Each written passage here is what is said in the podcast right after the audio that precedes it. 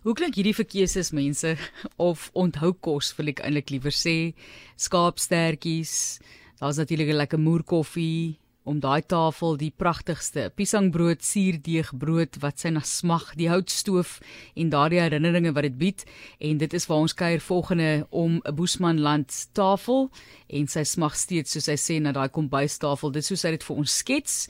Och, vleis, rys en aartappels mense. Dit is Marley Visser wat met ons gesels en dis Boesman Land Langtafel. Dis 'n blog wat jy eintlik kan gaan volg waar jy meer kan lees en stories wat gedeel word daar oor herinneringe soos wat ek dit ook nou daar vasgevat het. Baie welkom Marley. So vertel vir ons bietjie hoe gaan dit in daai deel van die land vandag? Is jy naby die plaas? Of waar vind bevind jy jouself tans? Middag Martelies. Ehm um, ja, dis my so wonderlike voorreg om uit die Boesmanland uit vandag met jou te gesels. Ek is op die plaas um, ons vertrou die selfoonopvang sal hou. so dit is my so voorreg. Watter seisoen ervaar julle tans daar in terme van die boerdery? Martelies, ons is so geseën geweest met wonderlike wonderlike reëns onlangs. Ehm um, groot gedeeltes van die Boesmanland. Ons ek dink daar is nog so hier en daar 'n boer wat nog bietjie sukkel met droogte, maar ons glo en vertrou dat dat die Here daar ook sal voorsien. So ons sukkel nou met springkane, maar ons mag glad nie kla nie want as daar veld is dan dan is ons so dankbaar. Ons het daarvan gehoor ook in ander lande in Afrika wat dit 'n groot groot krisis is. Baie sterkte daarmee vir julle hoop. Ja, dit kan opgelos word op 'n of ander manier. Marley, hoekom is dit vir jou so belangrik om daardie stories en herinneringe na mense toe te bring aanlyn?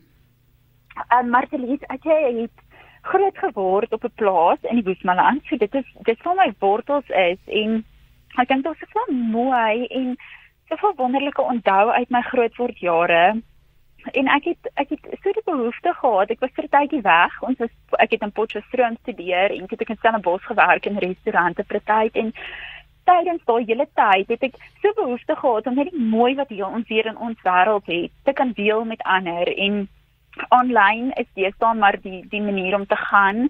Dit is die manier hoe jy die meeste mense kan bereik en dis ook 'n manier hoe jy oorsee se mense kan bereik en ek dink daar's soveel mense wat oorsee is wat ook terug verlang na Suid-Afrika en na hulle ma se kombuise en hulle ma se kos en ehm um, ja, dit is hoekom ek nou besluit het om aanlyn te gaan met die blog om met daai mense ook te kan te kan deel. En ag ons sommer net hulle hulle is verlang en hulle onthou ook te hoor want dit is vir my so kosbaar. Dit gaan nie net oor ons nie en dit gaan nie dit gaan vir my oor almal wat wat terugsmag na dit wat hulle hier gehad het en dalk nie meer het nie. Maar nou jy gebruik dit ook as 'n helingsproses die hartseer om jou moeder op 'n vroeë ouderdom te verloor en dit het jou geïnspireer om daai herinneringe te, terug te bring op die manier Ja, ja, ek um, ek was 14 toe ek my ma 'n motorongeluk verloor en ons se jongste van drie sissies. So ons drie sissies het ongelooflike voorreg gehad om saam met my ma in die kombuis groot te raak, om met ons houtstoof en ons alles saam met my ma in die kombuis te wees. En ek dink op 14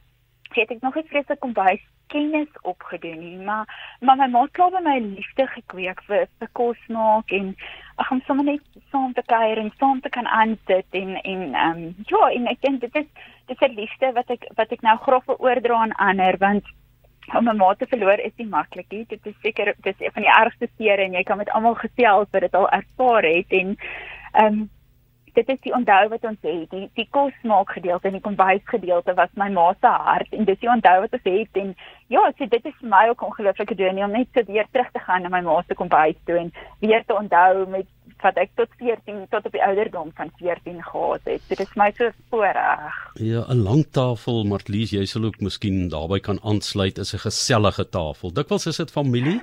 Dit hoef nie net bloedfamilie te wees, dit kan vriende wees. Jy raak 'n familie om 'n tafel, so 'n lang tafel. Dis nie net 'n gewone tafel, 'n tafeltjie vir 2 of 4 of so nie, né? Kyk, ons het, ons het op die plaas het ons 'n ehm um, 'n baie klein tafel waar ek en my man nou bly in ons huis. Die het ons 'n uh, tafel net vir vier, maar dit is nog steeds ek dink om uitbindig en dit is my so wonderlik om mense te kan nooi om om te kan brood breek saam met iemand anders ter en om daai persoon dan in die oë te kan kyk en daai persoon se storie in sy hart te kan hoor en dit dit is my koneksie met 'n lang tafel al is jou tafel dan nou hoe klein ook Ehm um, dit is in die sin van die woord met dit 'n lang tafel feeslikheid wees, maak nie saak hoe klein hy is. Daar's omtrent nie 'n Italiaanse fliek waar daar nie 'n lang tafel in is nie, Marlies Ja, as jy ja. dink. Daai geselligheid, né? Idillies, idillies. Maar nou wonder ek Marley hoe het daardie tradisies verander? As jy vir ons bietjie kan vertel want jy weet, ek meen ek het ook familie wat boere is en was en hoe kos het bietjie verander oor die jare. Daar's dinge wat nuut is en op 'n of ander stadium word dit by die plaas ook ontvang en dalk mee op geëksperimenteer of is alles maar nog baie dieselfde soos dit voorheen was?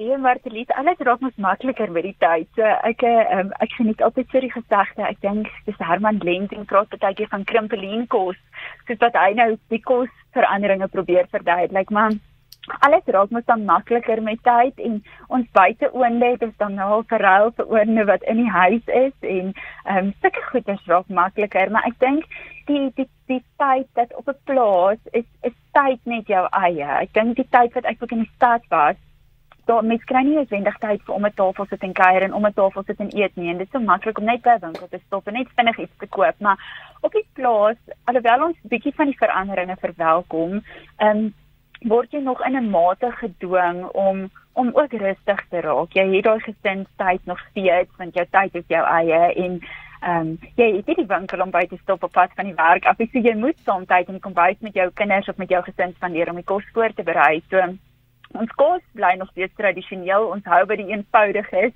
Ons ehm um, hou nie sommer van fancy kos nie. Ons stiek met jou jou gewone rysvleis, aardappels en min speserye en min vreemde dinge. Maar die die konsep van dit alles van die saamkuier en die um, ja, dit bly tog maar dieselfde al al verloop die tyd.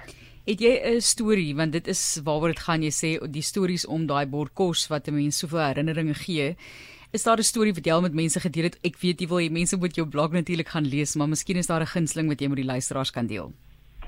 Gits, ek ek het um, een storie wat ek nou dit bring nou weer my ma net als in, maar wat ek moet deel is dink die luisteraars wat luister wat van die Boesmanland afkom, het teen teen een al probeer brood bak, boerbrood bak, tradisionele suurdeeg boerbrood. Dit sit nie in almal se brood nie. Ehm um, dit is iets wat ek ook tot op die ouderdom van 14 moes nou nog iets ons my ma nie kom baie gedoen het. En dit was een van my stories wat ek op die blog ook gedeel het waarop ek die wonderlikste terugvoer ontvang het want uh, my ma het vir ons 'n kos uh, resepteboekie nagelaat vir ons drie dogters wat sy sommer net ons gesinsresepte en goed ingesit het. En onder andere daar boerbrood resep het sy gesê dat mens moet onthou jy pas 'n boerbrood soos 'n baba op. En ehm um, as jy fout kom by 'n boerbrood dis nooit jy nie dis altyd of jy weer op die meel En deur die deel, dis dit my so wonderlik hoe veel mense na my toe terugkom en sê, "Ja, nee, hulle weet, hulle het al so gesukkel daarmee." En ehm um, dit is iets wat ek ook van generasie tot generasie moet oordra en my ma het aan die einde gesê, "Ek was dit reg kry, jy moet ons asseblief bel." Ehm um, en ek het al so gewens ek kon haar bel. Ek het al so daai behoefte in my hart gehad, maar ehm um, ten minste weet ek dis of die weer op die meel, dis dan nie uit as hy nie werk nie.